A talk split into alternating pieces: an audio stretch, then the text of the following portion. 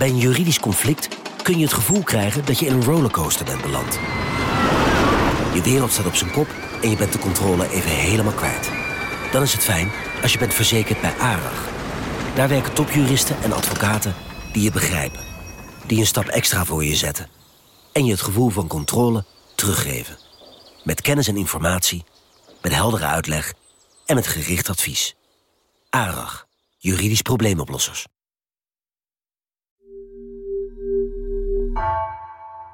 Voordat we beginnen zou ik je graag wat willen vragen. Wij zijn heel benieuwd naar wat jij vindt van onze podcast. Wat doen we goed en wat kan er beter? Dat kun je ons laten weten op nrc.nl/slash podcastonderzoek. Dankjewel. Vanaf de redactie van NRC het verhaal van vandaag. Mijn naam is Thomas Ruip.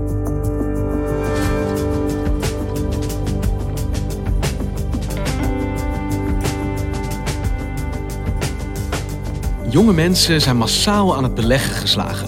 Je downloadt een app en je kunt aan de slag. Beleggen is gemakkelijker, toegankelijker en leuker dan ooit. Maar daarin schuilt een gevaar, ziet verslaggever Chris Koenis. Apps maken er een spel van, met vrolijke kleuren, blinkende knoppen en digitale confetti. Maar de risico's zijn echt.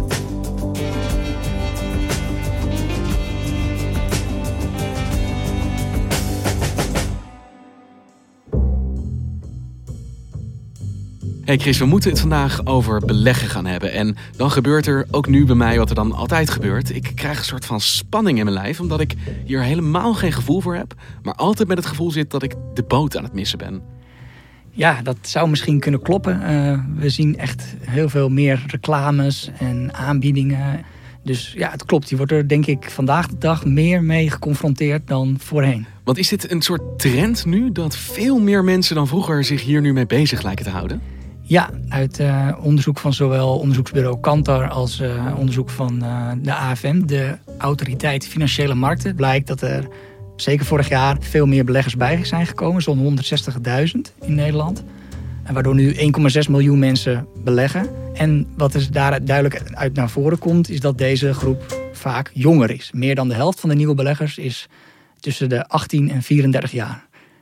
Je ziet uh, naast veel reclames op televisie zien dat de meeste van deze doelgroep aanwezig zijn op internet. En daar komen dan ook uh, de dingen voorbij op sociale media, op YouTube, op Instagram, in gelikte filmpjes, in uh, posts van influencers die jou vertellen hoe je geld moet besparen, maar dus ook hoe je het beste kunt beleggen. Hallo allemaal, leuk dat jullie kijken naar deze gloednieuwe video op het kanaal Investeren Doe je zo. Ben jij geïnteresseerd in beleggen op de beurs, maar heb je geen idee hoe je het moet aanpakken of wat het inhoudt? In deze video vertel ik je de basics. Wat ik heb gedaan is ik heb een gratis training voor je in elkaar gezet. En deze training gaat jou een aantal dingen leren. In deze training ga ik je namelijk vertellen hoe jij ook kunt beginnen met het Een aandeel of ETF kopen bij de Giro. Hoe gaat het nou precies? Download dan nu mijn handleiding en je weet precies welke aandelen je niet mag missen. En uh, zij worden dus, uh, wat blijkt, vaak ook benaderd door beleggingsmaatschappijen of aanbieders van producten. Om daar eigenlijk plat gezegd reclame voor te maken, omdat zij die doelgroep weten aan te spreken. Beleggen is echt in nu. Ja, dat zou je kunnen zeggen. Zelfs een bekende rapper zoals Boef uh, houdt zich ermee bezig samen met zijn zakenpartner. Boef houdt zich bezig met beleggen? Voor de mensen die geïnteresseerd zijn in hoe ik ervoor sta met mijn aandelen. Ik heb vandaag anderhalf duizend euro gemaakt en in totaal nu 15.000. Ik heb 165k op mijn rekening en ik heb 150 erop gestort. In ruim twee weken heb ik 15.000 euro verdiend. Maar het zegt inderdaad wel iets, denk ik, als een rapper als Boef nu zich met dit soort dingen bezighoudt buiten de muziek. Ja, het is populairder geworden. Er zijn meer mogelijkheden en uh, ja, het spreekt meer jongere mensen aan.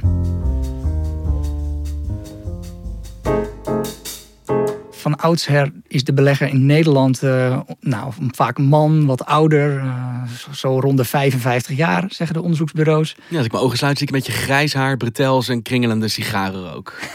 ja, dat zou goed kunnen. Maar tegenwoordig, door een, echt een combinatie van factoren, zijn daar uh, meer mensen bijgekomen. Ze zijn vaak jonger. het zijn meer vrouwen. Het zijn mensen die niet, geen eigen huis kunnen kopen. Wel het nodige geld op de bank hebben staan, vaak geen vast contract hebben als ZZP'er werken, in hun eigen pensioen moeten voorzien.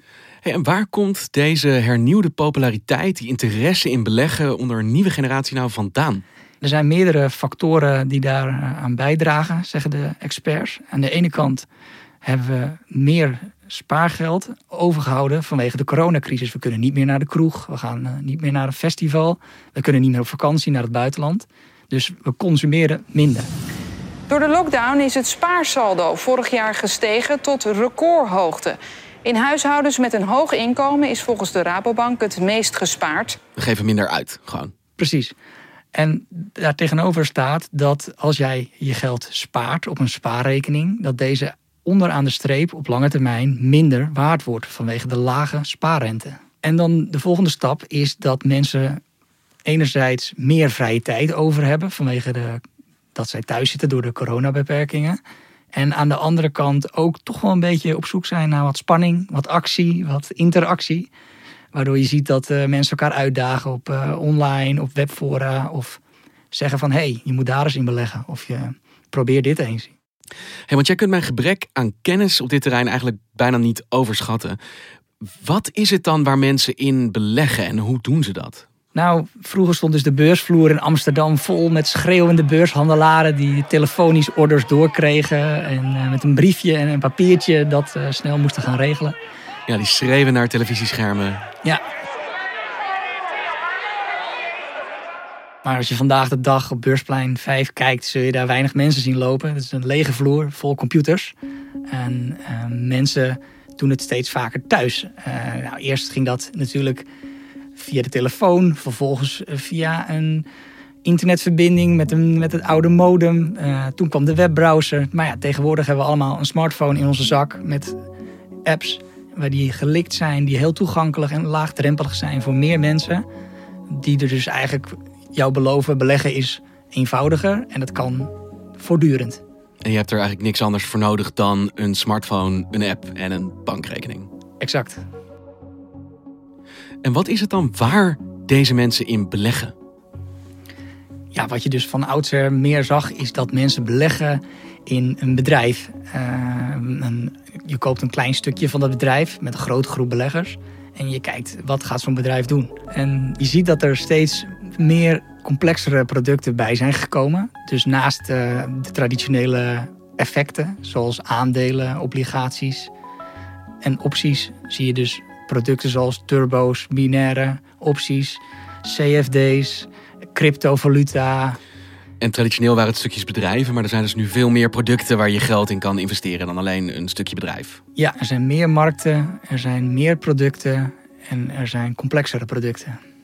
En mensen zitten dus op hun telefoon en scrollen door een soort digitale menukaart en kiezen ervoor: ga ik vandaag in crypto's of in effecten of in een bedrijf investeren?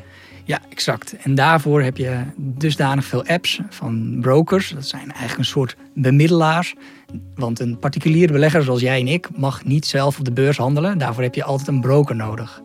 Dat was dus traditioneel de grootbank. Denk aan ING, Rabobank, ABN AMRO, dergelijke partijen. Maar tegenwoordig heb je meer gespecialiseerde banken die dit aanbieden. Die je ook mobiele apps bieden, waardoor je makkelijk uh, kan handelen. Ja, dus vroeger had je dan misschien echt die man met het grijze haar en de bretels die op de beursvloer voor jou stond te schreeuwen. Nu klik je het gewoon aan, in principe. Ja, dat gaat eenvoudig met een swipe of een drukje op de knop en uh, je hebt de aandelen erbij. En die groep die jij beschrijft is op een bepaalde manier dus ook een best kwetsbare groep. Want je zegt ze hebben geen huizen, ze hebben geen vast contract vaak. En ze proberen op deze manier een pensioen bij elkaar te sprokkelen. Maar ja, met mijn gebrek aan kennis weet ik in ieder geval wel, er moeten hier toch ook risico's aankleven. Klopt, wat je ziet is dat deze mobiele apps eigenlijk zo gelikt en aantrekkelijk worden gemaakt voor met name nieuwe en jonge beleggers. Is dat zij eigenlijk worden gestuurd om vaker te handelen. Dit uh, is ook vaak risicovoller en uh, verleidelijker om te doen. En zo ontstaat er dus eigenlijk een soort perverse prikkel om meer te handelen, terwijl dat eigenlijk in de regel het minste oplevert. Maar uh, de aanbieders van deze apps verdienen linksom of rechtsom aan iedere transactie die jij doet. En op welke manier doen die apps dan? Hoe moedigen ze jou aan om meer risico's te nemen?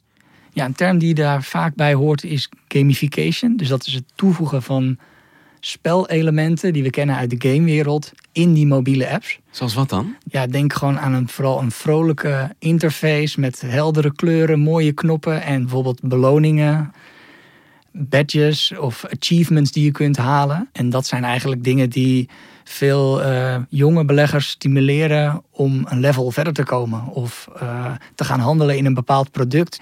Een goed voorbeeld hiervan is de mobiele app Robinhood, een uh, Amerikaanse beleggingsapp. People like us can trade just like the big guys with Robinhood. Robinhood lets you trade stocks with zero commission. That's right, commission free. Let me show you how this works because you might not believe me. Couldn't be easier to make a trade using the Robinhood app. En daar zag je eigenlijk tot voor kort dat gebruikers bij iedere transactie die zij deden, confetti over hun scherm zagen neerdalen als beloning voor hun transactie. Ja, dat geeft jou denk ik als gebruiker een goed gevoel van ik ben lekker bezig, ik heb uh, weer een transactie gedaan, uh, op naar de volgende. Je moet meer, meer, meer. Juist, en daar is dusdanig veel kritiek op gekomen, die sturing, dat dat uh, inmiddels uh, is verdwenen uit de app. Dat hebben ze zelf weggehaald. Want we kennen natuurlijk allemaal smartphoneverslaving, sociale media die een enorme prikkel geeft op het moment dat je een berichtje binnenkrijgt. Ik krijg nu bijna een beeld van mensen die op de bank zitten en ja, gestimuleerd worden door zo'n app, maar intussen enorm veel geld aan het uitgeven zijn met alle risico's van dien. Exact. Daarin schuilt het gevaar. En in Nederland uh, valt het op dit moment uh, nog uh, betrekkelijk mee. Maar de verhalen die vanuit de Verenigde Staten doorcijpelen, waar dit soort apps toegestaan zijn, daar zie je veel probleemgevallen van mensen die grote verliezen draaien. En zijn dit dan ook de apps die in Nederland gebruikt worden door die nieuwe generatie jonge beleggers? Nou, een app als Robinhood is op dit moment nog niet in Nederland beschikbaar. Dat hopen ze op termijn denk ik wel te zijn. Maar je ziet dat in de tussentijd een heleboel andere partijen en aanbieders in dat gat zijn gesprongen. En zij zijn dus met uh, eigen mobiele apps gekomen. eToro, Trade Republic, XTB, Bux. Dat zijn partijen die er nu al zijn. Maar uiteindelijk wil een partij als Robinhood denk ik ook de Europese markt veroveren. Je vraagt je ook af ja, hoe graag je dat moet willen. Dat dit soort giganten ook hierheen komen misschien. Ja, het zijn vaak apps die adverteren met extreem lage of geen gebruikerskosten. Zij beloven je vaak uh, een uh, mooie winst en houden je een mooie worst voor. En vaak door veel te handelen en veel transacties te doen, terwijl jou dat misschien op de langere termijn minder oplevert. En één ding snap ik niet helemaal. Want een jaar geleden werd eigenlijk wereldwijd nou, een gigantische financiële crisis voorspeld door het coronavirus. En hier hoor ik over apps die met confetti strooien. En jongeren die massaal naar de beurs aan het trekken zijn. Omdat daar is waar het gebeurt. Ja, en dit is iets uh, waar ook uh, dusdanig voor wordt gewaarschuwd. De zogeheten crash die op een gegeven moment kan komen. We hebben nu te maken met de coronapandemie. Die in veel landen voor heel veel ellende zorgt. En ondertussen zien we de beursgraadmeters record na record breken. Als het hier volstrekt los van elkaar staan, de werkelijkheid en wat je ziet op de beurs. Ja, en veel critici zeggen die beurs is dusdanig losgezongen van de reële economie... dat dat op termijn voor problemen kan gaan zorgen. En dat er dus uiteindelijk een forse correctie, dan wel een crash, zal volgen. Dus dat het op de beurs goed gaat, wil niet zeggen dat het in de echte wereld financieel ook voor de wind gaat. Precies. Wat je dus op de financiële markten ziet, dat eens in de zoveel jaren, vaak na een grote stijging, er ook weer een scherpe correctie of een daling volgt. Nou, we kunnen ons allemaal nog de crisis van 2008, 2009 herinneren, toen de zogeheten vastgoedbubbel knapte. En daar volgde ook een crash uit op de beurzen. Oftewel een hele snelle daling van heel veel aandelen in heel veel sectoren. Koersen gingen vandaag dan ook weer flink onderuit. De Amsterdamse AEX-index zakte naar het laagste niveau in vijf jaar. Dat er recessie is, leidt geen twijfel. Dat de wereld afstevend op een economische crisis evenzeer. Maar of die van korte of lange duur zal zijn, niemand die het weet.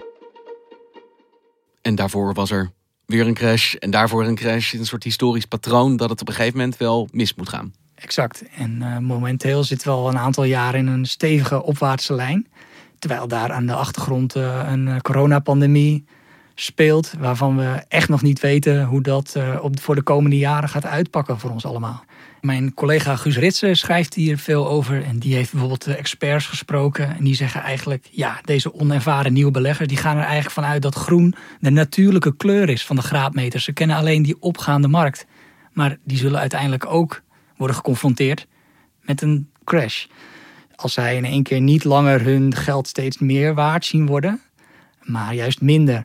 Gaan ze dan uh, in paniek raken? Gaan ze dan in één keer al hun beleggingen van de hand doen, waardoor ze heel veel geld verliezen? Of weten ze toch, zoals de experts zeggen, de rust te bewaren? En wat betekent de rust te bewaren? Maar ben je, ben je op dit moment goed bezig en ben je breed geïnvesteerd in veel verschillende sectoren, veel verschillende bedrijven en regio's, dan kun je zo'n crash, zeggen de experts, uitzitten. Hoe moeilijk dat misschien ook lijkt op dat moment als je alles ziet dalen heb jij veel risico genomen en alleen geïnvesteerd in één bedrijf of één sector die echt instort, dan uh, zit je wel met een groter probleem. Als je aan de ene kant apps hebt die jou aanzetten tot riskant gedrag en dat belonen met confetti-regens, en aan de andere kant ja, eigenlijk hier zegt, ja, we weten wel zeker dat er op een gegeven moment een crash aankomt, dan klinkt dat als een recept voor ongelukken. Is er dan niemand die toezicht houdt hierop en die misschien ook een klein beetje dit gedrag kan afremmen door een generatie die misschien niet helemaal weet wat ze doet? Ja, in ieder land heb je een financieel toezichthouder. Bij ons in Nederland is dat de AFM. En die moet eigenlijk erop toezien dat aanbieders van dit soort producten de producten leveren aan de juiste doelgroep. En ervoor zorgen dat zij goed geïnformeerd zijn en weten wat ze doen. Maar als je praat over dit soort nieuwe apps, dan begeef je jezelf eigenlijk in een volledig nieuw gebied. En weet je dus eigenlijk de centrale vraag misschien niet te beantwoorden van hoe mooi mag ik zo'n app maken? Hoe aantrekkelijk mag ik een mobiele app maken? Terwijl de makers van deze apps heel goed weten uh, hoe, hoe ze jouw gedrag moeten sturen. Want eigenlijk is de regelgeving nog niet meegegroeid met hoe soepel en gelikt deze apps op dit moment eruit zien. Nee, en dat is iets wat we de komende jaren nog veel meer gaan zien. Maar aan de andere kant zie je dat er nog een grotere vraag achter hangt, is in hoeverre moet jij als overheid hier ingrijpen? Want je hebt ook altijd nog de eigen verantwoordelijkheid van de gebruiker. En je zult zien dat er altijd een klein percentage van beleggers zal zijn die risicovolle ondernemingen doet en die geld vooral verliezen. Ja, dus de vraag is hoe ver wil je gaan als overheid om hierin in te grijpen? Mensen moeten ook risico's mogen nemen. Exact. En dat is niet alleen de verantwoordelijkheid van de overheid, maar dat is denk ik een gedeelde verantwoordelijkheid van jou als gebruiker en de aanbieder. En wat is nou voor mij een manier, stel ik zou me toch eens willen verdiepen in dit soort apps en ik zou toch misschien ook dat beleggen wel eens willen proberen om dat op een verantwoorde manier te doen. Waar moet ik dan op letten? Ten eerste is denk ik belangrijk dat je kijkt of zo'n app onder toezicht staat van een financieel toezichthouder, zodat je ook rechten hebt. En dat kun je eenvoudig opzoeken online uh, op de website bijvoorbeeld van de AFM.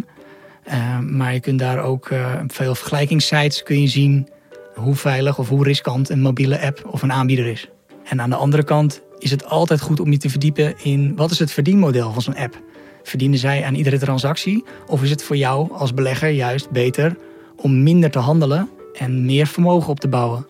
Die apps geven jou dus meer de mogelijkheid om zelf beslissingen te nemen. Ga je meer voor de veilige weg, kun je een beleggingsadviseur nemen of via een bank of een beleggingsmaatschappij en die belegt dan voor jou. Toch nog aan de professional overlaten. Vaak is dat wel verstandig. Dankjewel, Chris. Graag gedaan.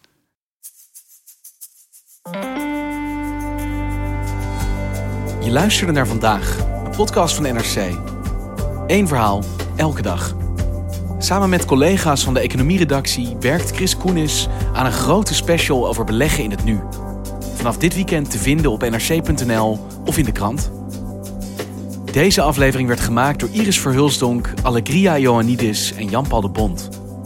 Dit was vandaag. Morgen is het hemelvaart, dus vrijdag weer.